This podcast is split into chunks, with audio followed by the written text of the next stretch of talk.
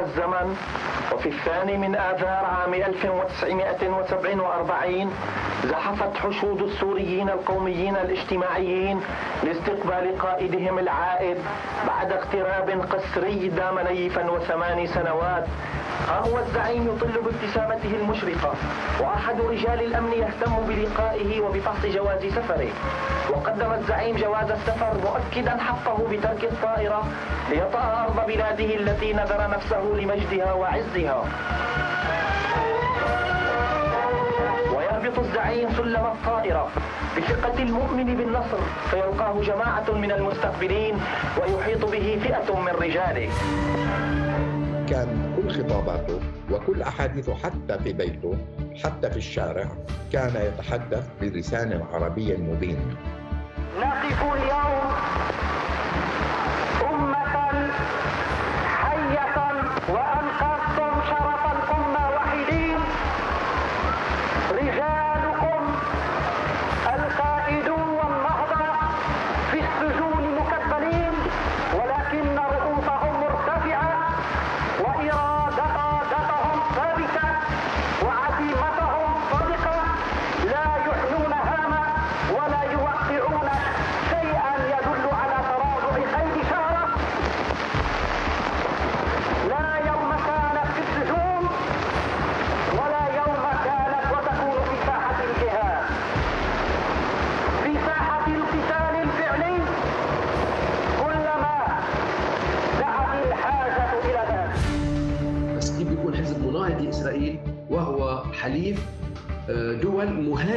مهادنه لاسرائيل طبعا بدي أرجع للشيء الكلمة الأساسية اللي قالها أستاذ سعادة آه، وهو إنه أنا رح أقول على طريقتي إنه ما يحدث حاليا لا يشبه فكر آه، مؤسس الحزب القومي.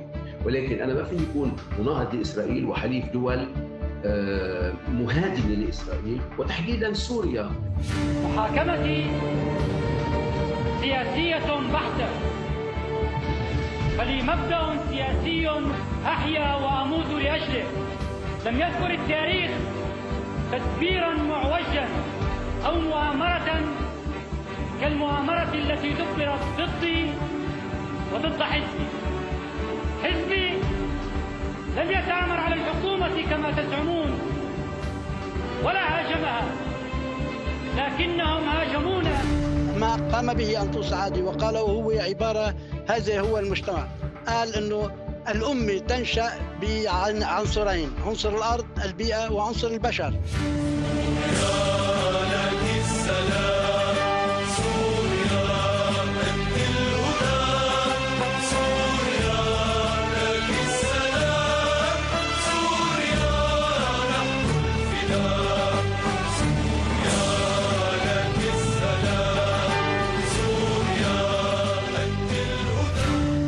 مرت أشهر قليلة على احتفاء الحزب السوري القومي الاجتماعي بالذكرى الثالثة والسبعين على إعدام الزعيم أنطون سعادة كما ارتأى أن يطلق على نفسه. أو الفيلسوف باعث وباعث النهضة الإصلاحية كما يحب مناصروه ومؤيدوه أن يطلقوا عليه.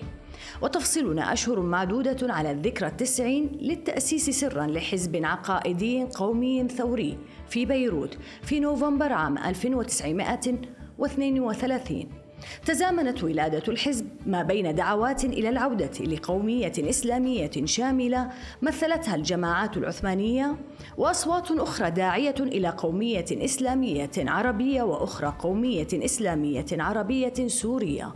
وبين قومية لبنانية كان المفكر اللبناني الأرثوذكسي أنطون سعادة المنظر الجديد لفكرة القومية السورية.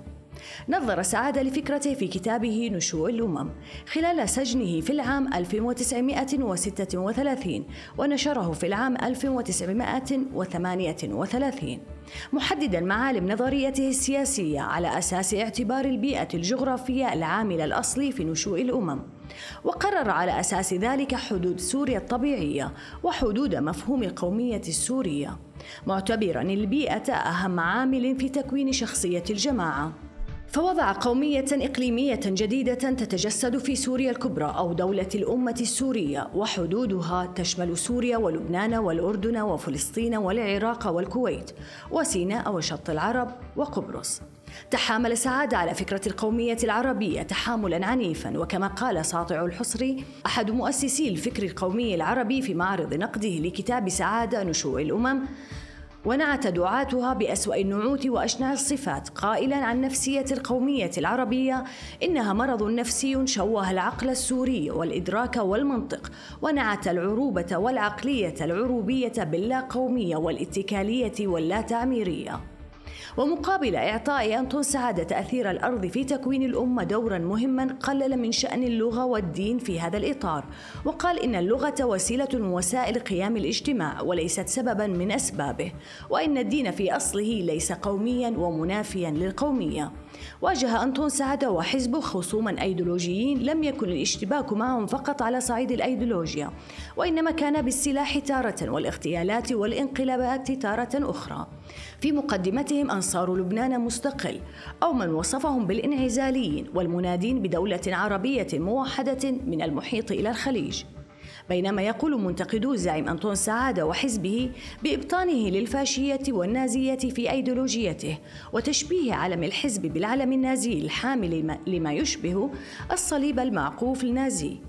كان هناك من اعتبره من بعض محبي النسخة اللبنانية من حسن البنا مؤسس جماعة الإخوان المسلمين.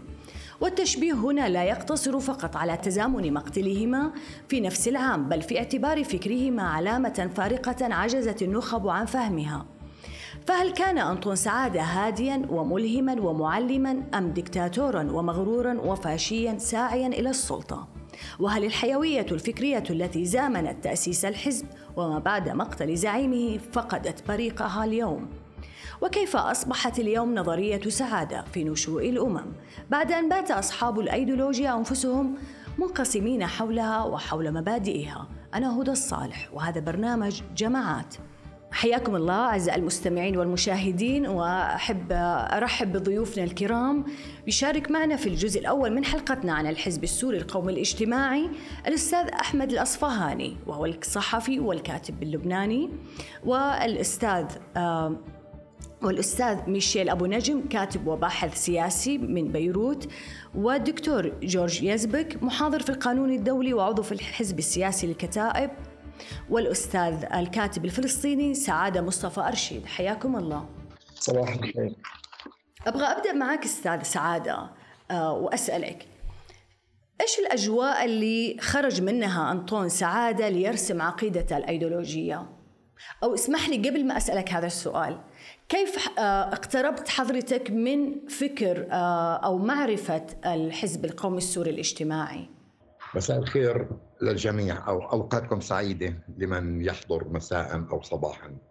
آه، أنا والدي مصطفى رشيد دخل كان من الأعضاء المبكرين في الحزب السوري القومي الاجتماعي عندما كان طالبا في الجامعة الأمريكية في بيروت في ثلاثينات القرن الماضي وقد أسماني سعادة وشرفني بأن أحمل هذا الاسم اللي أنا بعتز فيه آه إيمانا منه بزعيمه أنطون سعادة. والدي كان ناشط قومي وناشط فلسطيني في ذات الوقت آه ناضل في الحياة السياسية الفلسطينية. كان محاميا كان صحفيا صاحب آه جريدة يومية.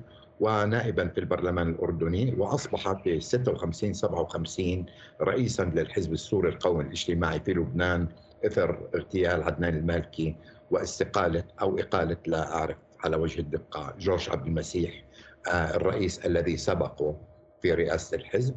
فأنا ولدت وأنا في هذه الأجواء. صحيح أنا لا أعرف والدي كان عمري سنة لما توفي لكن ترك لي آه، يعني كنز من العلاقات ومن ما يشرفني إني آه، أزعم إني أنا أنتمي إلى هذا آه، أنني ابن هذا الرجل الذي حمل ذلك الفكر ترك مجموعة من الوثائق والأوراق والكتب والهد اللي قرأتها تقريبا باهتمام وعناية بنظرة المعجب بوالده على قاعدة كل فتاة بأبيها معجبة. لكن كمان بعين الباحث المحايد الذي يريد أن يعرف الحقيقة. حضرتك ما انضميت رسم بشكل رسمي للحزب يعني. أنا لست عضوا في هذا الحزب وإن كنت يعني أؤمن بكثير من مبادئه وأتشرف بأنه احسن زعيمه ومؤسسه. أيوه. طب برجع لسؤالي أستاذ سعادة. ما الأجواء اللي اللي خرج منها أنطون سعادة ليرسم عقيدة الأيديولوجية؟ لو بنرجع وبإيجاز تعطينا لمحة.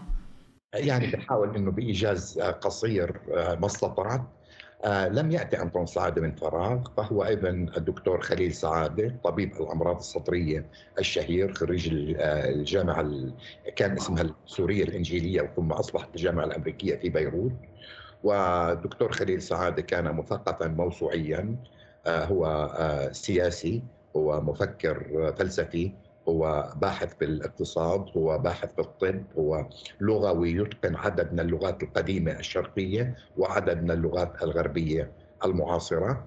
آه، هو واضع أول آه، قاموس إنجليزي عربي له مؤلفات في المسرح والقصة وغير ذلك ثم أنه ترأس مجموعة من الجمعيات آه، التي تعنى بالشؤون الخيرية والثقافية والسياسية والإغاثية والثقافية. فهذه البيئة آه، اللي طبعا دكتور خليل سعادة كان يقضي أوقات طويلة يسافر سنويا لزيارة المكتبات مش آه، للتنزه في أوروبا آه، حتى هو الذي اكتشف إنجيل برنابا وقام بترجمته من اللاتينية إلى اللغة العربية. جميل، اسمح لي ندخل في موضوع أنطون سعادة الله يسلمك أستاذ. بالنسبة لأنطون سعادة أنطون سعادة منذ عام آه، خليني أقول 1921 كان الفتى أنطون سعادة اللي عمره 15 أو 16 سنة في حينها يعبر عن أفكاره القلقة جراء ما تتعرض له بلاده وأمته آه، فبدأت عقليته تتفتح بالمطالعة ووجد أن الدفاع عن بلاده لا يكون إلا بوحدتها وكانت هاي بداية مطلقاته القومية. نرجع لمرحلة أخرى في عام 1925 هلأ أصبح الشاب أنطون سعادة يكتب محذرا من خطر الهجرة اليهودية والمشروع الصهيوني وذلك انطلاقا من إدراكه للبيئة الجغرافية اللي تفضلتي وحكيتي عنها قبل شوي ومن آه، انطلاقه من إيمانه بوحدة الأمة التي كان يراها أمة تامة متكاملة هي جسد واحد وما يؤثر على جزء منها يؤثر على الكل. أو يؤثر حكما على الكل. هذا مع إدراكه لخطر الجوار الجغرافي اللي بتحركه أطماعه واللي بتحركه بالإضافة إلى أطماعه عجزنا وتفتتنا وتفسخنا وتقسمنا.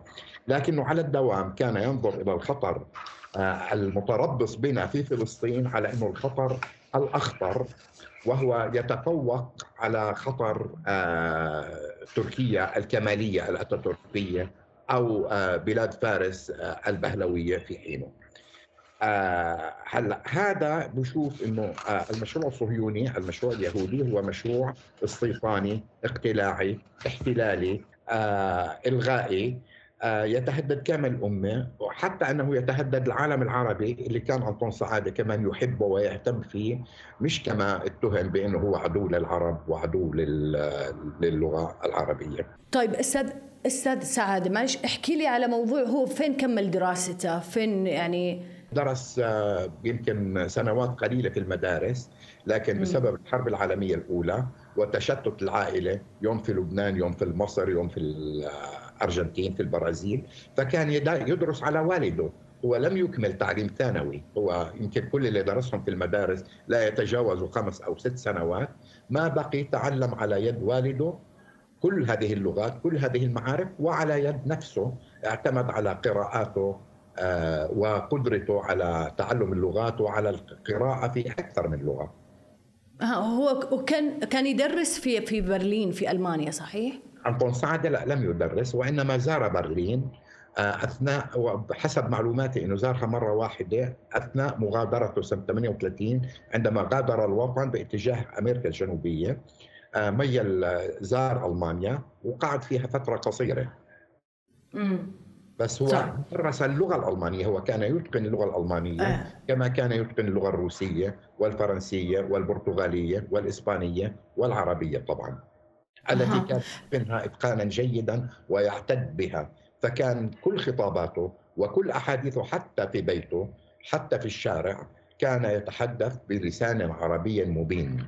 مش أيوة. لم يكن عدوا للغة العربية اطلاقا المهم في هذه المسألة أنه أدرك باكرا أن المشروع الصهيوني لا يدور على قطبه آه، وأن لكنه يملك فرص نجاح عالية بسبب دعم الغرب له هذا الغرب المتوحش بسبب دعم رأس المال الغربي سواء يهودي كان أو غير يهودي وكان يرى بأنه نحن آه، أن هذه الخطة الصهيونية اليهودية تقوم على العلم والمعرفة والتخطيط الدقيق فبالتالي تملك فرص نجاح خاصة بأن نقاتلها بالعقلية الرجعية وبالعقلية الطائفية وبعقلية التجزئة.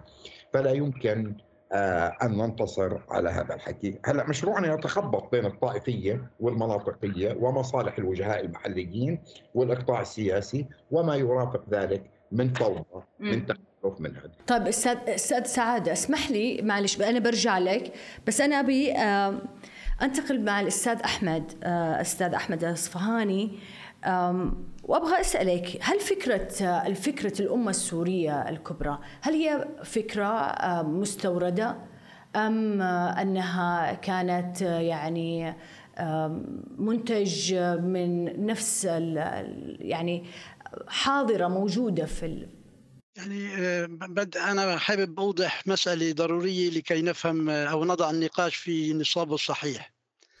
آه، صديق سعادي حكي عن الوضع الفلسطيني. آه، اولا يعني يجب أن نفصل بين انطون السعادي المفكر وعالم الاجتماع وبين انطون السعادي مؤسس الحزب وبين الحزب. يعني في اعتبارات مختلفة تماما. آه، موضوع الهوية هذا الموضوع موضوع شائق جدا في بلادنا التي كانت رازحة نحو تحت الاحتلال العثماني 400 500 سنة. هناك هوية ضائعة.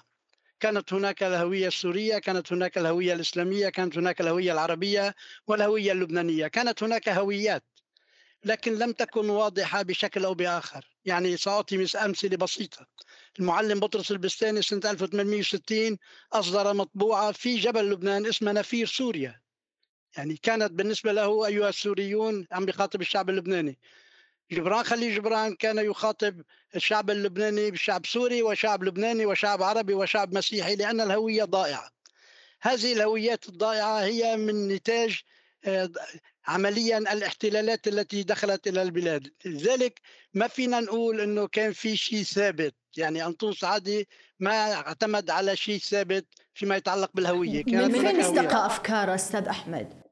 آه أفكار انطو سعادي هي مزيج يعني آه، فالواضح إنه اولا انطلق من أزمة بلاده أول سؤال طرحه على نفسه أنطو سعادي عندما اعتقل بال 35 برسالته لحميد فرنجية المحامي الكبير آه، قال قال له عبارة هي أول وعي الوطني هو نشأ عندما سأل ما الذي جرى على أمة هذا الويل المجاعة في جبل لبنان.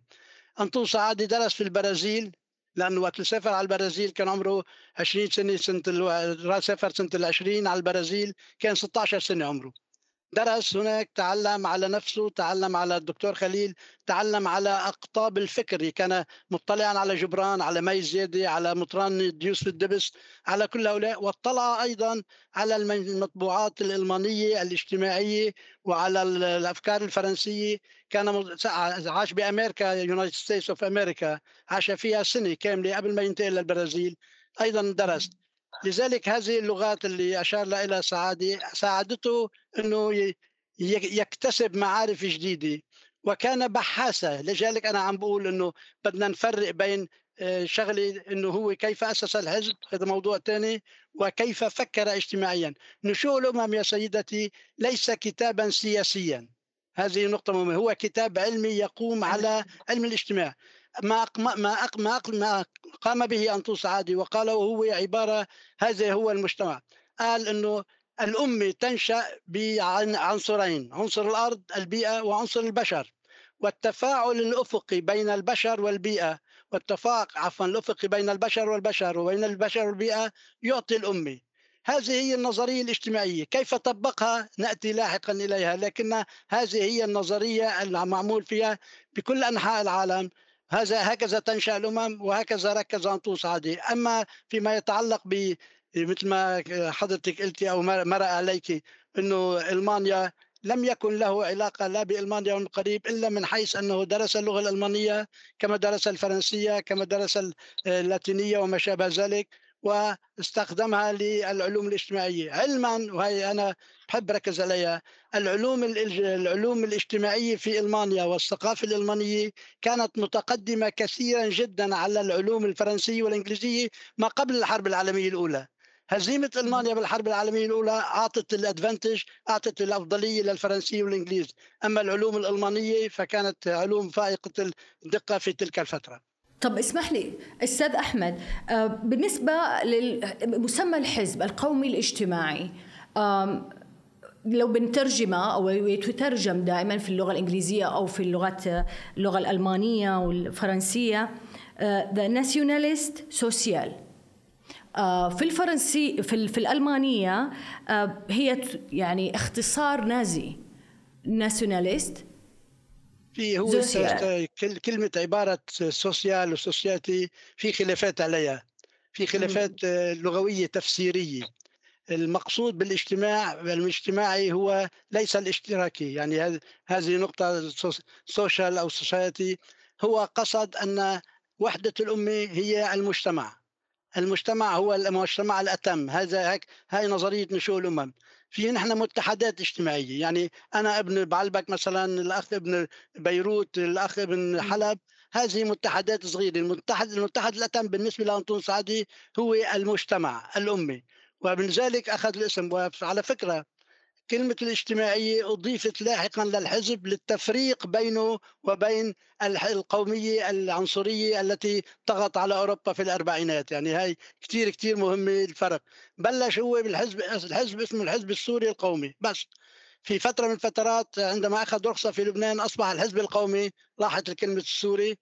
أنطون سعادي كان بالأرجنتين أدخل بال 47 بعد هزيمة ألمانيا مشان ما حدا يقول إنه تأثر بألمانيا بالاسم. بعد هزيمة ألمانيا أضاف كلمة الاجتماعية للتأكيد على وحدة المجتمع وليس على أي مصدر عرقي آخر. أيوة. طب أستاذ ميشيل آه، إيش رأيك في ما طرحه الأستاذ أحمد؟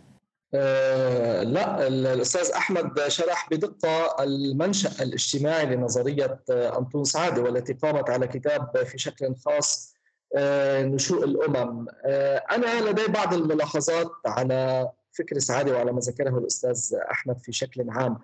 آه، بمعنى أن التاثر بالفكر الألماني واضح أنه تأثر بالفكر الألماني نظرا لأن النظريات الجيوبوليتيكية الأساسية تأسست في الفكر الألماني في القرن التاسع عشر ومهدت لاحقا لنشوء بروسيا التي قادت عملية توحيد ألمانيا. فحتى لو لم يذكر أنطون سعادي أو لم تعالج هذه المسألة بدقة آه، أو لم يشر إليها في مصادر علمية واضحة لكن مجرد أنه أسس الفكر على الجيوبوليتيك على البيئة الجغرافية على تأثيرها. وهذا أنا برأيي ما أعطى لاحقا آه، القوة لنظرية آه، انطون سعاده فهذا التأثير الجيوبوليتيكي كان واضحا. ومن المعلوم أن المدرسة يعني الألمان المفكرين الألمان كانوا مؤثرين أو من مؤسسي صناع الجيوبوليتيك. وحتى آه، لاحقا آه، بأهدافها التوسعية كما استخدمها آه، الفكر النازي. هناك مسألة أخرى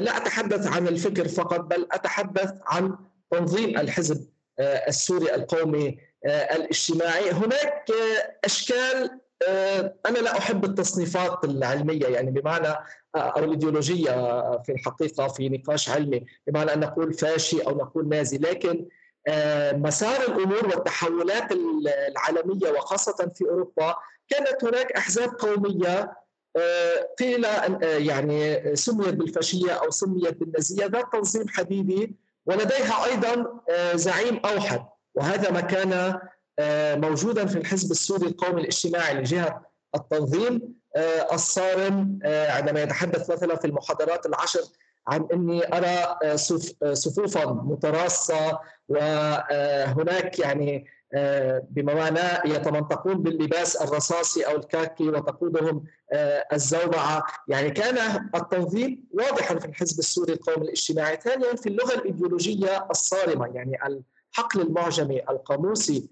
في في الأدبيات والخطاب القومي. وفي خطاب أنطون سعادة كان صارما إذا صح التعبير بغض النظر عن مدى صحة علميته أو مدى انطباقه. على الواقع. ف وهناك مسألة الزعيم يعني آه، هناك الفهرر في ألمانيا هناك النوتشي في آه، أو هناك فرانكو لاحقا. وهذا أيضا سيدتي لم ينسحب فقط على الحزب السوري القومي الاجتماعي. نراه مثلا في جزء منه أنا لا أريد التعدي على يعني صلاحيات الأستاذ جورج ولكن طبق أيضا على حزب الكتائب آه، في مكان ما. يعني كان التحولات العالمية بتعبيراتها القومية والإيديولوجية تلقي بظلالها على الأحزاب في الكيانات الوليدة وخاصة في المشرق آه، وفي العالم العربي. آه، آه، طيب إذا تسمح لي أستاذ أبغى أسألك كيف يعني كان لما خرجت موضوع هوية أو سوريا الكبرى أو الأمة السورية طبعا هنا نتحدث إحنا عن قومية جغرافية. لكن كيف تقبلت هذا الموضوع أو لم تتقبل التيارات التي تدعو إلى الوحدة القومية العربية؟ كيف نظرت إلى هذا؟ هل اعتبرتها مهدد لها؟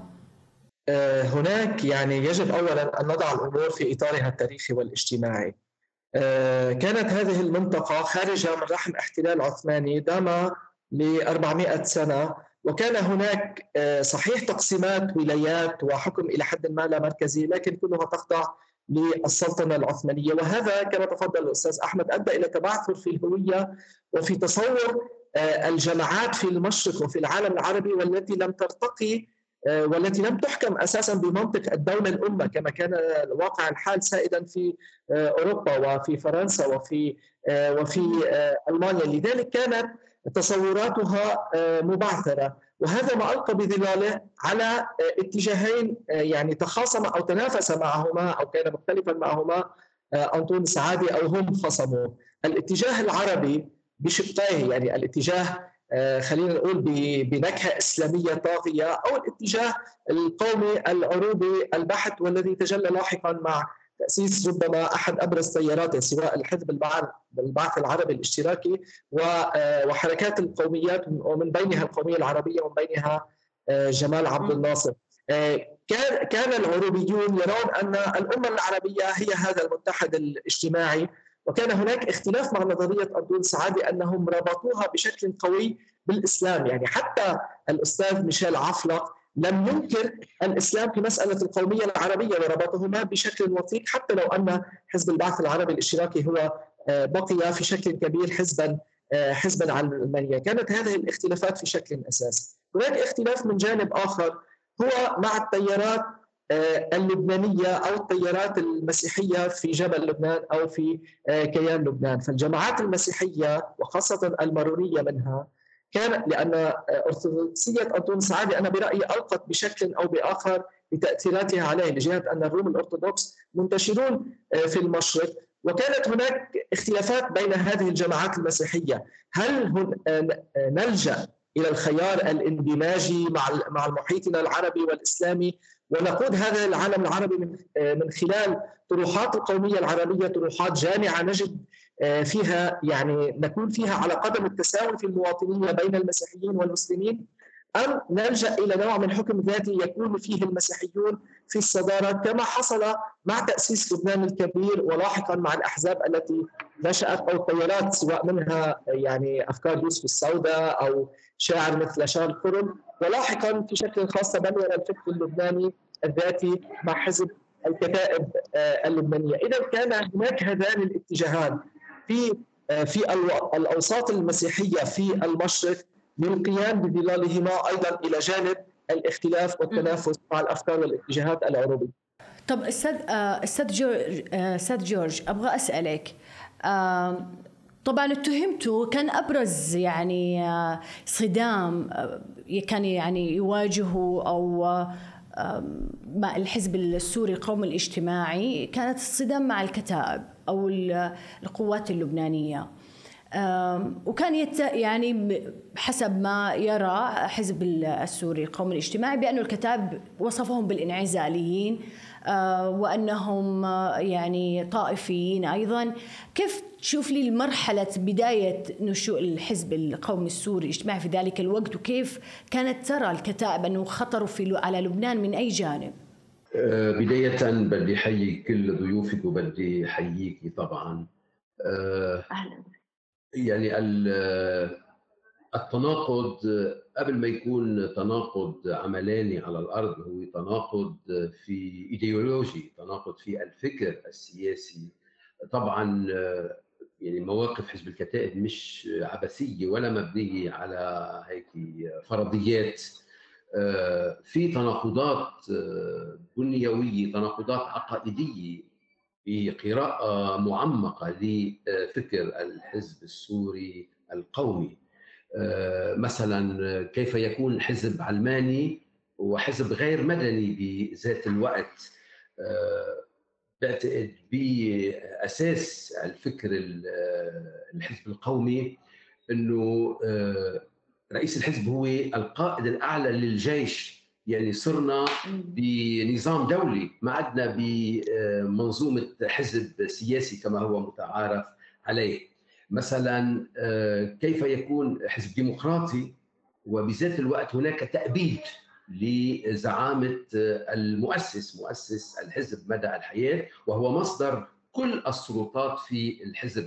كيف يكون أيضا حزب مناهض لإسرائيل أريد أن أقول وهذا كان هو الاتهام الأساسي لحزب الكتائب أنه حزب آه، متعاون مع إسرائيل. وإذا بدنا نرجع له رح نشرح إنه حزب الكتائب لم يكن متعاون مع إسرائيل. رح أرجع لها بس كيف بيكون حزب مناهض لإسرائيل؟ وهو حليف آه، دول مهاجمه لإسرائيل.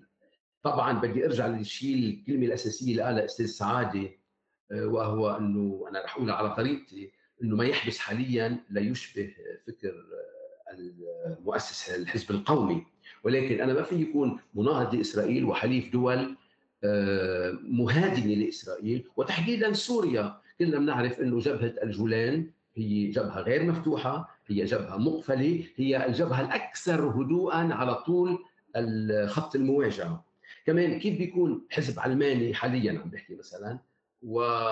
وجناح الحزب السوري القومي اللي هو بعتقد المركزيه يعني السيد حردان حليف حزب الله. وحزب الله يعتبر حزب ديني وحزب آه، يعني يعتنق عقيدة ولاية الفقيه. كل هذه بالنسبة لي أنا تعتبر تناقضات إيديولوجية آه، بنيوية في آه، الحزب. بعدين كيف يريد الحزب الحزب القومي؟ الخروج من أسر الكيانات القطرية في المنطقة ويتجه إلى تحالف مع إيران عبر حزب الله.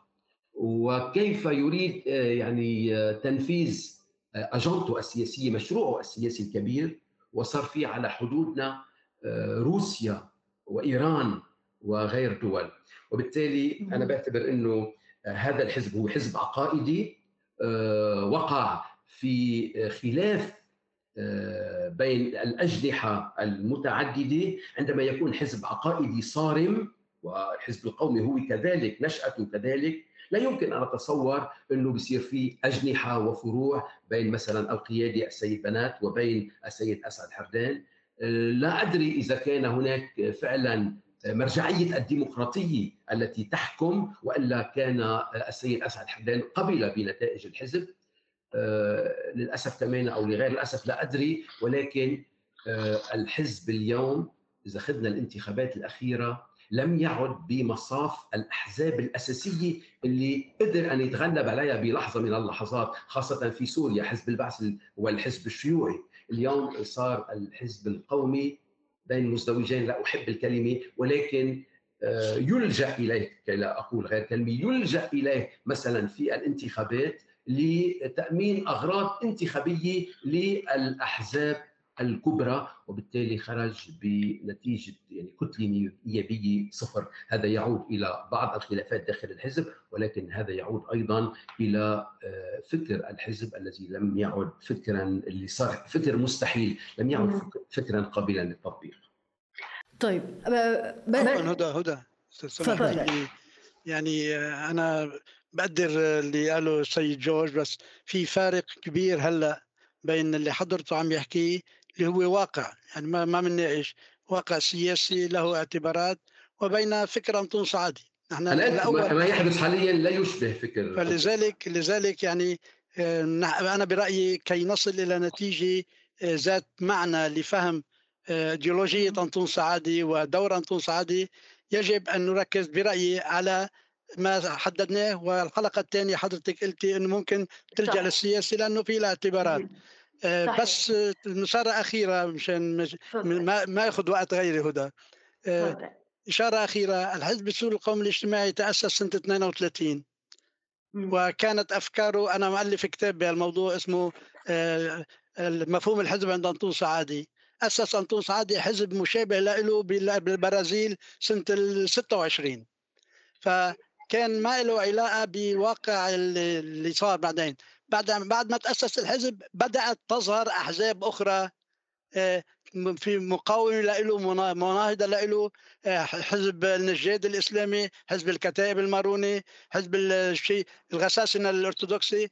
هذه ردة فعل لتأسيس الحزب يعني بس بالواقع التاريخي مشان تكون هيك شكرا وأنا بعتذر طيب. عن المطلق لا, لا لا أبدا أنا برجع للأستاذ جورج بسأله في الجانب التاريخي ما بين الكتائب وما بين الحزب القومي بس أبغى قبلها أستاذ أحمد أبي أسألك واسمح لي أسألك يعني وأنا عارفة أن عندنا إحنا سقف عالي وبحيث ندير النقاش هذا. أنطون سعادة من يعتبر يعني يعد يعني هو من الروم الأرثوذكس. متاثرا.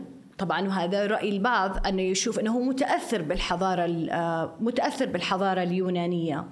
وما خلفته من فكر وتوجهات. ف يرون أن أنطون سعادة لم يزد حرفا على التقسيمات اللي وضعتها الثقافة اليونانية للشرق عند عند العرب يعني.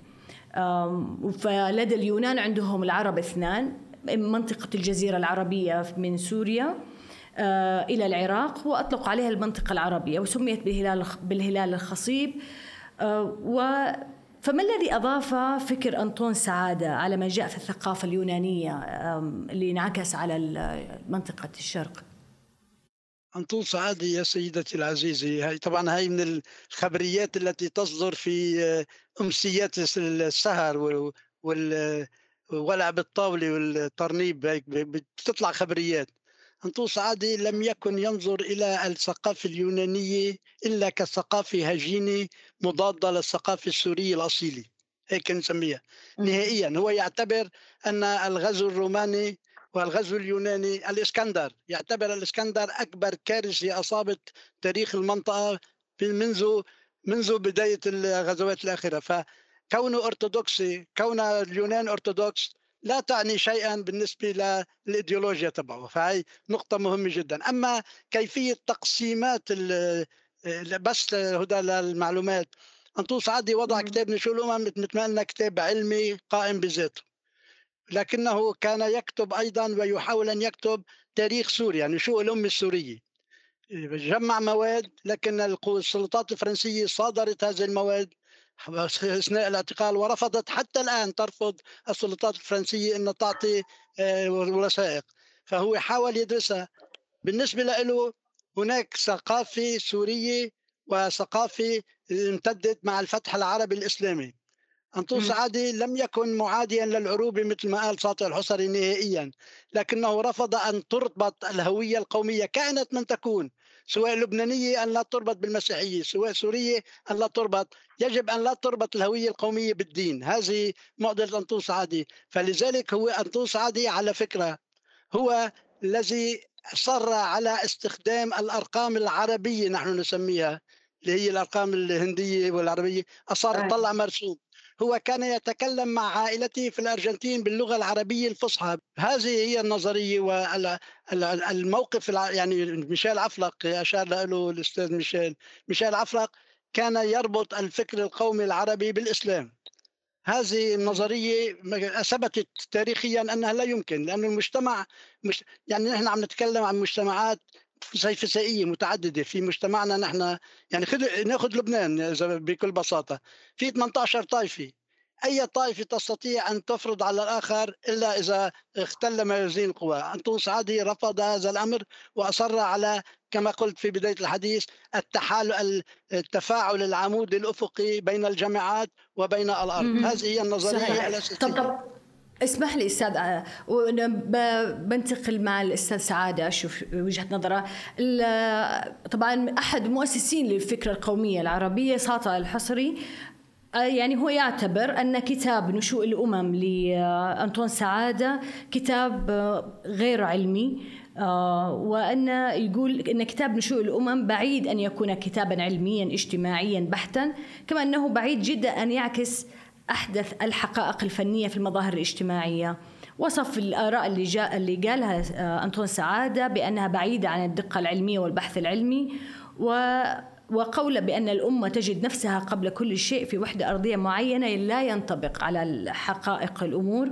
وأن يخالف حقائق التاريخ والاجتماع عندما يعظم شأن الأرض والبيئة الطبيعية في تكوين الأمة ويقلل مقابل ذلك من شأن اللغة في هذا التكوين. طبعا في نقطة مهمة أه، كان ذكرها ساطع الحصري حول تأثير البيئة.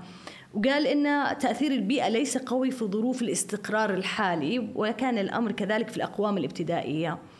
وأيضا يدلل على أن في القطر في الإقليم الواحد أو القطر الواحد كان هناك عدد من القوميات يعني لم تكن تقتصر على قومية واحدة في في إقليم أو في بقعة أرضية محددة. وشبهها في شبهها في مقدونيا. فقال هناك جماعات من البلغار مختلطين مع اليونان والألبان والأتراك.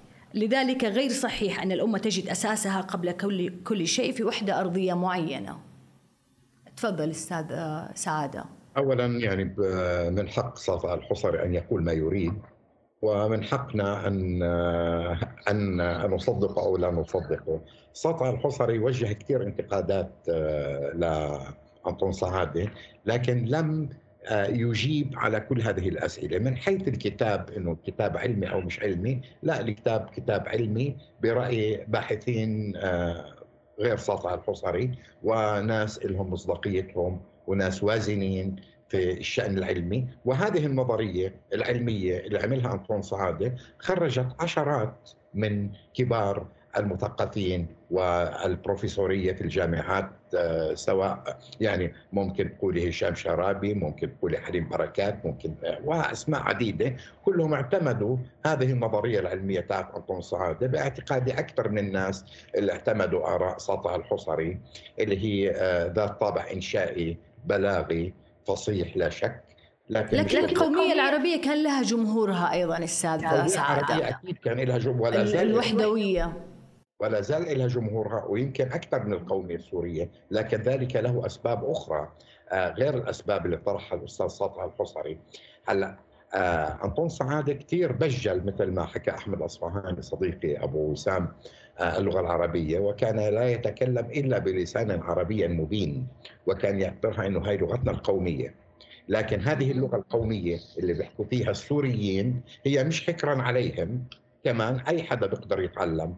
لغه عربيه كما إنه مش ممكن اليوم أكبر مجتمع ناطق باللغة الإنجليزية الهند مش آه، ليست آه، إنجلترا ومع ذلك الهنود مش إنجليز ما صاروا قومية إنجليزية لأنهم أكبر مجتمع ناطق في اللغة الإنجليزية. بالنسبة لوحدة كيف تتشكل الامه، انطون سعادة راى بأنه كل من يأتي على هذه البيئة تصهر هذه البيئة بضيف لها مما عنده من معارف وثقافات وعلوم وبيستمد منها أيضا ما عندها من ثقافات وعلوم وينخرط في دورة حياتها ويصبح منها. هلأ مش ممكن نقول إنه الأرمن في سوريا اللي عاشوا في سوريا قد أصبحوا سوريين وإن كانت جذورهم أرمنية. الشركس اللي عاشوا في سوريا كمان أصبحوا سوريين وإن كانت جذورهم شركسية. وربما جابوا معاهم السيف القصير والأرمن جابوا معاهم آه، أشياء كثير مهمة مش بس البسطرمة والسجق والهذا جابوا معهم ثقافات لا شك بنقدر هذا الحكي لكن هم ما بيقدروا يجوا يعملوا آه إثنية داخل هذه الأمة يجب أن ينخرطوا في حياة هذه الأمة ويصبحوا جزءا منها هاي نظرية المواطنة هذا المواطن بغض النظر عن أصوله إذا كان من أصول سورية عريقة ولا من أصول يمنية ولا من أصول آه، آه، أوروبية ربما من أصول سبق أن تحدثنا في هذا الموضوع مع حضرتك لكن الجميع انخرط في دورة حياة هذه الأمة. آه، بالنسبة للأستاذ للضيف الكريم بما يتعلق بأنه حزب الكتائب ليس عميلا لإسرائيل هذا أمر يسعدني وأنا أتمنى أن أصدق هذا الحكي وأتمنى آه، أن يدعم آه، هذه النظرية وأن يؤكد دائما على أنه حزب الكتائب لا يريد أن يكون عميلا لإسرائيل، حزب الكتائب هو جزء من من مواطنينا اللي قد نختلف معهم بالرأي، لكن بنحب أن يبقوا دائما آه، جزء من هذه الأمة وهم جزء من هذه الأمة وأن يكونوا ضد هذا الكيان الغاصب وضد أعداء هذه الأمة. بودي ان أعلق قليلا إذا أتفضلي. تسمح لي استاذي من بعض اللي ما أخذ على كتاب أو أفكار آه، أنطون سعادة آه، بأن الفوقية أو تمييز الهوية السورية عن عن باقي آه، يعني الشعوب أو في منطقه الشرق الأوسط أو الدول العربية. فأنا أبغى أستشهد ب في مقطع له من الكتاب. يقول إن السوريين يشكلوا السوري إن السوريين يشكلون كيانا قوميا مميزا لم يكونوا عربا وإنما سلالات شعب. كان موطنه الطبيعي منذ أزمنة ما قبل التاريخ سوريا. فالأمة السورية ينظر إليها على هذا النحو كأنما هي خليط من الكنعانيين والأكاديين والآشوريين والأراميين وما إلى ذلك.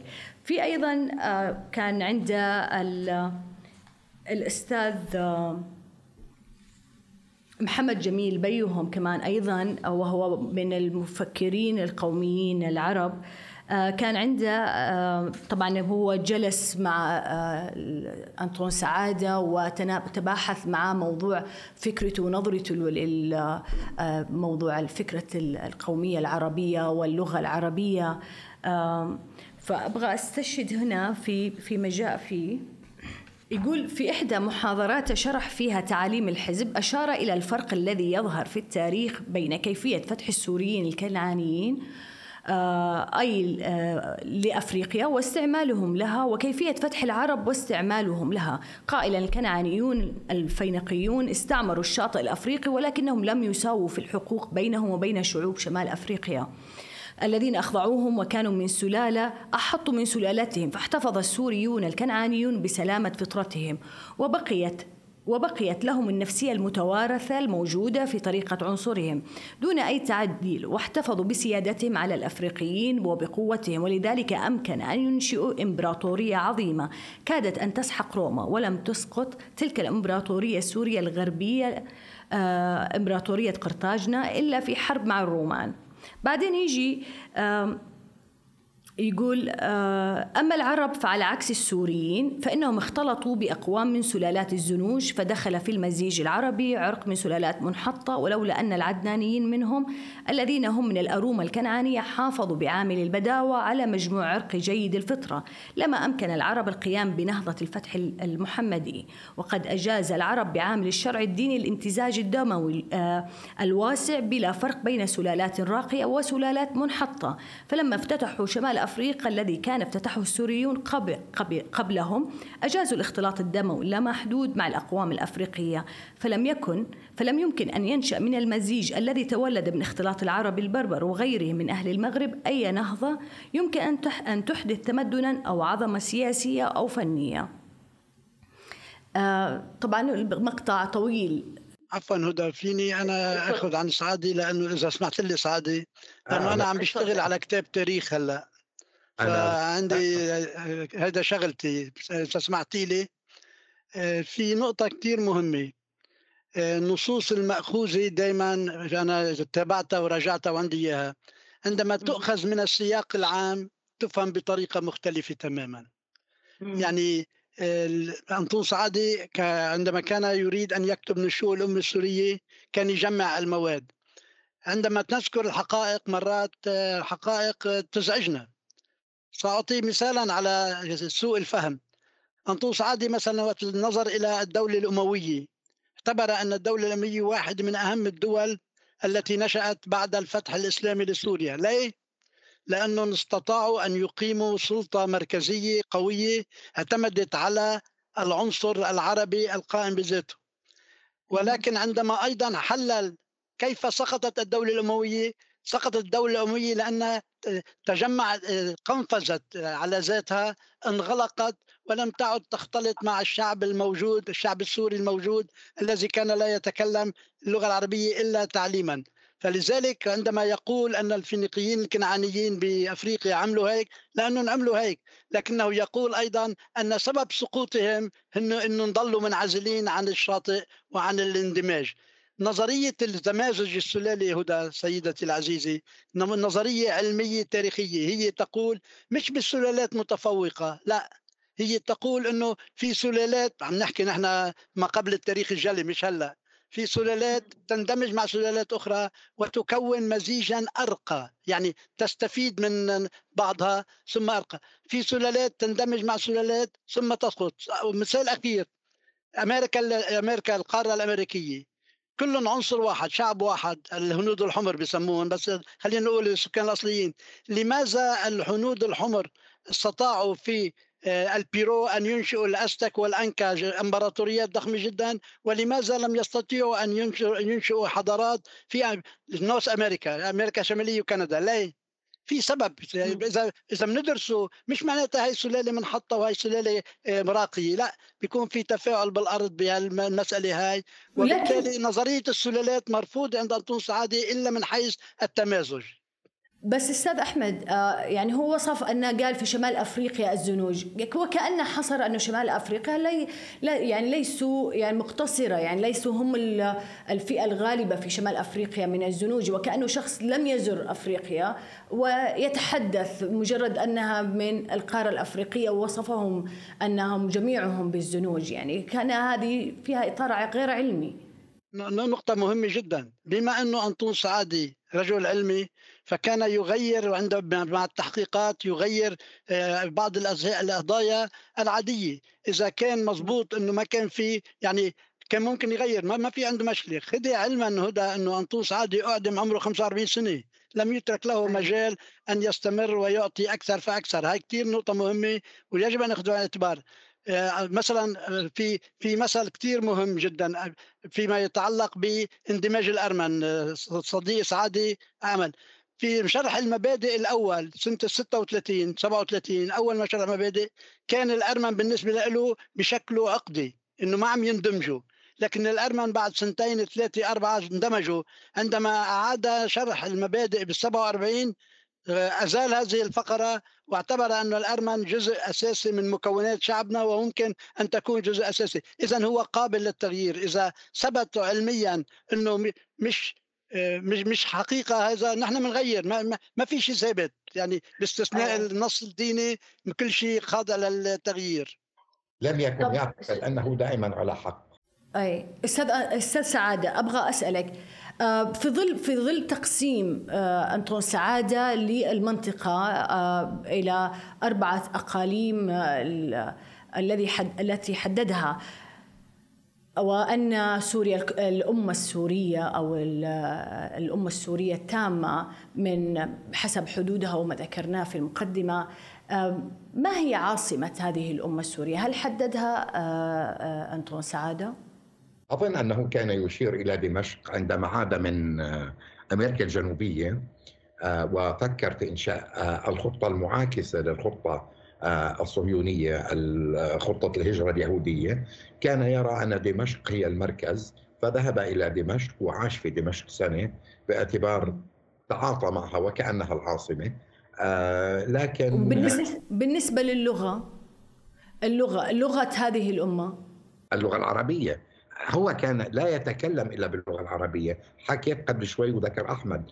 آه، أن بناته يعني أذكر والدتي كانت تقول لي بأنه آه، كانوا أطفال بعمر سبع سنين وثمان سنين. كانت آه، إحدى بنات أنطون سعادة تقول لأختها آه، أختي العزيزة دعيني امتطي هذه الدراجة.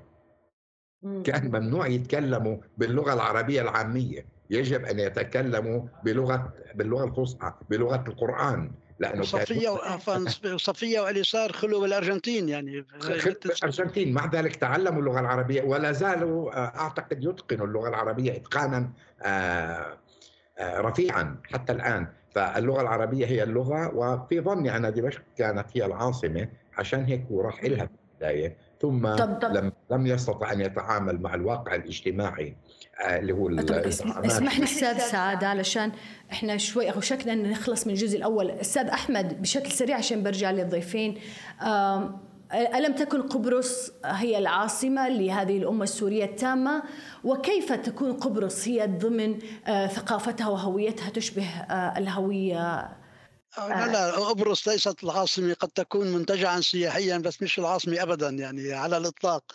آه، إذا كان بدها تكون العاصمة آه، نحن في بيروت نصر أن تكون بيروت العاصمة يعني فهذا من كلام نافل القول. لكن لكن يا سيدتي عندما آه، عاتب الخليفة عمر معاوية بن أبي سفيان لأنه افتتح قبرص قال له بالحرف الواحد كيف لا أفتحها وصياح الدويكة يسمع من اللاذقية؟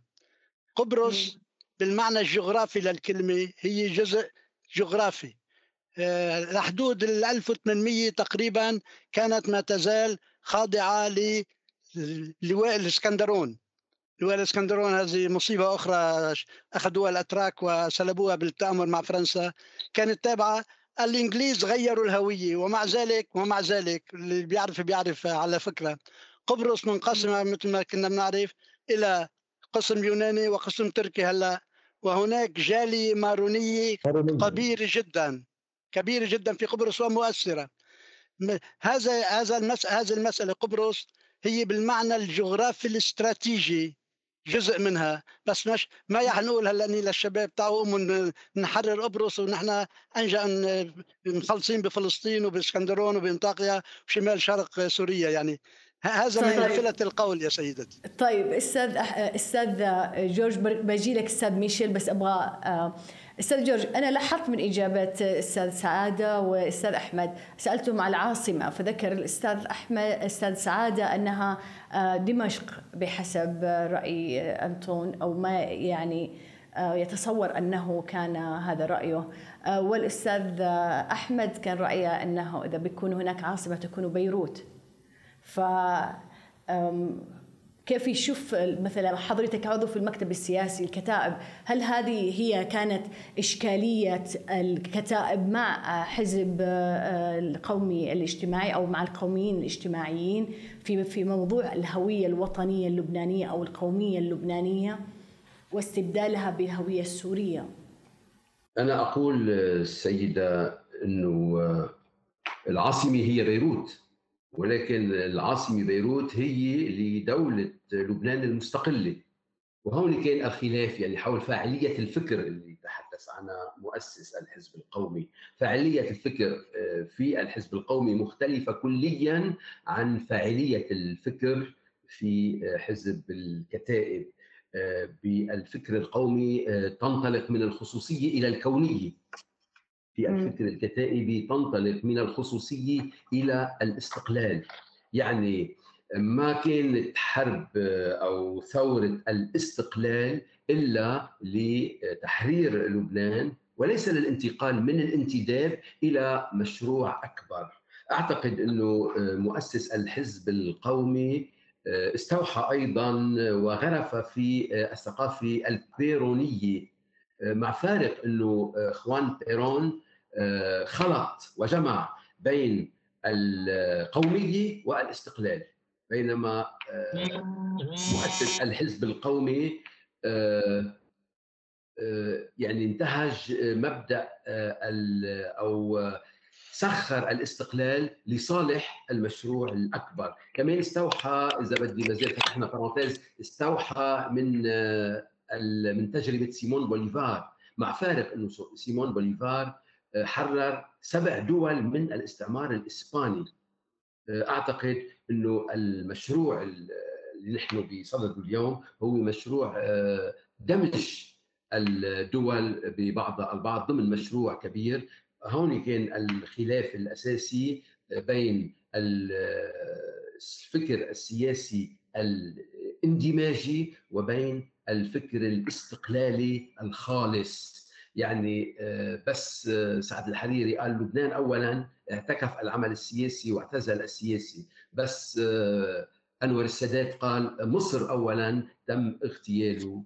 آه، بعتقد إنه المطلوب اليوم من كل الجماعات اللبنانية وأنا بهذا الحديث أكاديمي ولا أريد أن أكون منحازا لأحد ولكن المطلوب اليوم من كل الجماعات اللبنانية هي اللبننه آه، اولا آه، لأنه لبنان أصغر من أن يقسم وبالتالي أيضا أكبر من أن يهضم في أي مشروع خارجي آخر. خلينا نشتغل على الصعيد اللبناني لبننه كل الجماعات اللبنانية لبننه القرار السياسي آه، لدى كل الأحزاب وبالتالي بعتقد قادرين نحن نبني دولة قوية آه، اللي هي الدولة اللبنانية بحدودها المعترف فيها. وأعتقد ليس عن عبث ورد في آه، مقدمة الدستور أنه لبنان وطن نهائي لجميع أبنائه. أنا بتعجب أنه بأي دستور من دساتير العالم ما في كلمة نهائي لأنه الأوطان عادة هي نهائية. ولكن هذه الكلمة وضعت عمدا وقصدا ل آه، يعني آه، إنهاء أي إشكالية حول من يعتقد إنه لبنان وجهة نظر أو لبنان يمر بمرحلة انتقالية أو هو آه، جسر للعبور إلى مشاريع أخرى. كلا لبنان وطن نهائي لجميع أبنائه بمن فيهم كل الأخوة اللي أنا اليوم متشارك معهم في هذا البرنامج. حتى أنا؟ أكيد أستاذ سعادي أستاذ ميشيل أبغى أقول لك يعني في يعني آه، بمداخلة لي في من خلال كل موضوع القوميات والهويات التي برزت آه، يعني من بعد الاحتلال مثلا أو نقول للمنطقه في العهد العثماني وما بعدها موضوع الاستعمار والانتداب وما إلى ذلك واتفاقية تقسيم اتفاقية سايكس بيكو. إلا أن لاحظت يعني في متابعة هذا الموضوع أنه إن المفارقة أن القوم العربي يرى ان آه، دعوة القوم السوري القوم الاجتماعي أضيق بينما آه، يرى الكتائب أنها أوسع من المطلوب. يعني في ظل هذه الموجة يعني في ظل هذه التصارع الأفكار والأيديولوجيا والعقائد التي يعني تكون لا زالت غير منسجمة مع فكرة آه، الوطن أو فكرة الدولة أو المواطن. آه، ما المشكلة أن يعني لم تكن في الأساس وخاصة عندما نشأت هذه الأفكار وهذه الاتجاهات لم تكن آه، الدول التي نشهدها اليوم لم تكن قائمة. والجماعات التي تسكن وهي خاصة في المشرق بغالبيتها جماعات آه، طوائفية أو جماعات طائفية لم تكن قد اتخذت كلها سواء على المستوى الجغرافي أو على المستوى المجتمعي شروط الدولة الأمة أو شروط الدول كما نفهمها اليوم. يعني كانت في مرحلة ما قبل الدولة أو ما يسمى عليه في الأدبيات القومية العربية أو في القومية السورية الدول الكيانية أو آه، الدول آه، القطرية. بالتالي هذا التشوش في النظرة وبالتالي صراع الأفكار أمر أمر طبيعي. يعني مثلا خذي مسألة الوحدة وأنت تحدثت عن عاصمة الدولة السورية المفترضة. عندما يقولون مثلا الأمة السورية. نعم نعم. آه، ولكن الأمة سوف تتجسد لاحقا في دولة بطبيعة الحال. آه، يعني عندما يتحدثون عن سايكس بيكو وخاصة غلاة القومية العربية والسورية كانوا آه، يركزون في شكل خاص على لبنان. لكن كل كيانات المنطقة لم تكن موحدة. يعني سوريا كانت مقسمة إلى ولايات دمشق وحلب وغيرها ومع عهد الانتداب الفرنسي كما هو معروف قسمها في شكل شبه طائفي عندما تحدث عن ولاية جبل الدروز. كذلك العراق كان مقسما إلى ولايات الموصل وبغداد آه، والبصرة ولم يعرف إذا كان هناك قسم من العراق كانوا يضمون كانوا يريدون ضمه إلى الجمهورية العربية السورية الحالية. كذلك لبنان كان هناك جبل لبنان في شكل رئيسي قائم على الطائفتين المارونية الدرزية، فإذا نحن أمام لبنان الكبير وأضيف إليه في شكل خاص مجموعات آه، يعني المجموعة الشيعية والمجموعة السنية من الجنوب إلى بيروت إلى البقاع آه، آه، وطرابلس.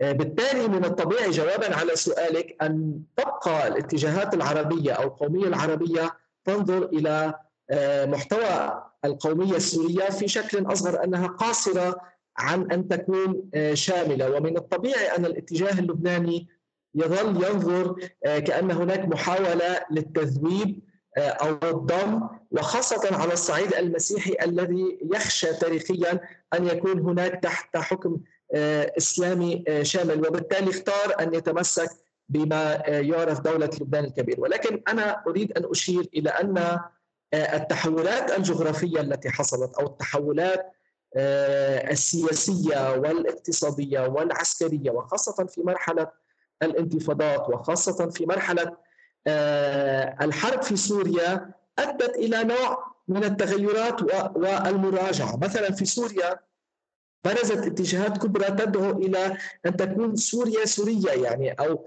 حتى إذا بدك هذا الاتجاه القطري بين الزوجين السوري بحسب التعبير القومي العربي كان بدأه الرئيس حافظ الأسد عندما وجد أن ليس كل العرب وبعد انسحاب مصر نتيجة كامب ديفيد يقفون معه في مواجهة إسرائيل. وهذا وارد في شكل خاص في كتاب باتريك سيل الصراع على الشرق الأوسط. ولاحقا يعني مصطفى وزير الدفاع السوري الراحل مصطفى طلاس في دار نشره أصدر كتبا كثيره لانطون السعادي. من ضمن هذا الاتجاه الذي رآه حافظ الأسد أنه من ضمن بلاد الشام يقودهم تقودهم سوريا ويقودهم هو في شكل خاص. يستطيع أن يبلور يعني وضعية جيوسياسية جديدة. في الحرب السورية يعني حافظ الأسد الرئيس حافظ الأسد تبنى فكرة سوريا الكبرى. لا أقول يتبنى ولكن أنا اولا في التاريخ يعني ال مخلوف الذين صهرهم الأسد هم قوميون سوريون. يعني لم يكن بعيدا عن هذا الفكر. ولكن نتيجة ما بعد ما حصل في العام 72 ونذكر محاولات إقامة جبهة شرقية بدا يبرز هذا الاتجاه إلى ليس نوع من تبني القومية السورية ولكن في السياسة وفي العسكر وفي الشؤون الاقتصادية أريد أن أركز على هذه المنطقة على الرغم من أن النظام السوري كان وهذا موضوع آخر كان على كسام قوي مع مع العراق الذي يحكمه أيضا نظام البعث الشقيق اسمحي لي أن أشير إلى موضوع الحرب السورية التي بدأت في العام 2011 هناك مقال شهير للأستاذ والمحلل السياسي الأستاذ جهاد الزين في صحيفة النهار يكتب كم نحن سوريون. وهو بالمناسبة من مؤيدي فكرة الاتجاه اللبناني أو التمسك بدولة لبنان الكبير. لكن عندما تحصل تغيرات جغرافية وديموغرافية وتؤدي إلى صراعات إلى حد ما تستخدم فيها العامل الطائفي يتغير التصور. أنا سمعت على سبيل المثال الكثير من قيادات في سابقة في القوات اللبنانية وخاصة يعني المخصمين للدكتور سمير جعجع. يقولون لو كانت القوات اللبنانية قائمة كالعسكر كان يجب أن ترسل قوات عسكرية إلى صيدنايا ومعلولة والقرى المسيحية. يعني عندما نشأ هذا تغير ربما التفكير. بينما جزء آخر من الاتجاه اللبناني يقول ما لنا وللمسيحيين السوريين على سبيل المثال إن المسيحية اللبنانية متميزه أقول هذا أسرد هذه الأمثلة في السياسة لأقول أن تصور الجماعات يخت... قد يختلف أو قد يتطور أو قد يتغير بحسب الوضعية السياسية الوضعية العسكرية تصور هذه الجماعات للتهديد. بس تعقيب بسيط على حول مداخلتك. كيف يمكن أن يكون الرئيس السوري الراحل قد تبنى مشروع سوريا الكبرى وفي استحالة لقيام سوراقيا وهي نواة مشروع سوريا الكبرى. بسوريا في رجل في رئيس دولة لا يلتقي رئيس دولة العراق يعني صدام حسين وحافظ الأسد. وفي الدولتين حزبان يحملان ذات الاسم ولا يلتقيان حزب البعث السوري وحزب البعث العراقي.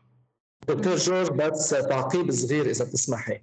دكتور جورج ما هو؟ لأنه أنا أشرت إنه كان في خلاف مع صدام حسين وكان في خلاف نتيجة اللي صار بال 79 وقاعدة الخلد وما إلى. هنالك ركز على ما يعتبره بلاد الشام يعني. لبنان سوريا الأردن فلسطين. وهو طبعا كان على خلاف مش بس مع لبنان مع ياسر عرفات ومع الأردن في ذلك الحين. بس لقى إنه يحمي حاله بمواجهه كان كان هناك بعض بعض يعني من يرى بأن موضوع تبني فكرة سوريا الكبرى لمسك ورقتي أو ملف ملف الفلسطيني. والملف اللبناني. إذا تسمح لي بس عشان أبغى أختم بس بسؤال الأستاذ أحمد والأستاذ سعد اللي يحب يجاوب.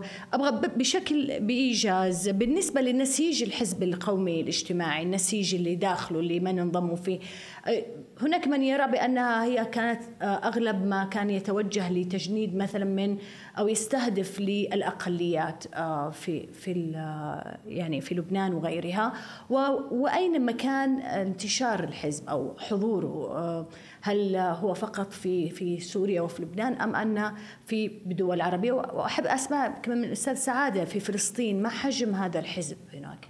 هذه فكره الأمة السورية كبرى لا في فلسطين لا يوجد آه، فلسطين تحت الاحتلال وفي فلسطين في منظمات فلسطينية تابعة بعضها لمنظمة التحرير وبعضها خارج منظمة التحرير. ما عندي فكرة عن أماكن التواجد أكثر ممكن أحمد يعرف أكثر لأنه هو أقرب مني للواقع. آه طب أستاذ أحمد أولا من الطبيعي من الطبيعي أن تكون الأقليات مهتمة بهذا الموضوع لأنها تشعر بأنها مستهدفة وبحاجة إلى إطار أوسع إطار وطني أوسع. كون أنطون سعاد ركز على المواطن وهذا ما لم ما لم نستطع أن نبنيه في لبنان آه، للأسف ما بنينا المواطن ولا المواطنة. فالأقليات موجودة. الانتشار الانتشار في آه، لبنان وفي سوريا إلى حد ما ضعف نتيجة مثل ما قال الدكتور جورج الصراعات الداخلية لكن أنا عندي نظرية هدى وعم بشتغل عليها. آه، مع أنطو سعد انتصر معرفيا لكن الحزب انهزم سياسيا. آه. وهذه نقطة أساسية جدا لأنه التحالف التعاون الاقتصادي التعاون الأمني كل اللي بدنا إياه موجود.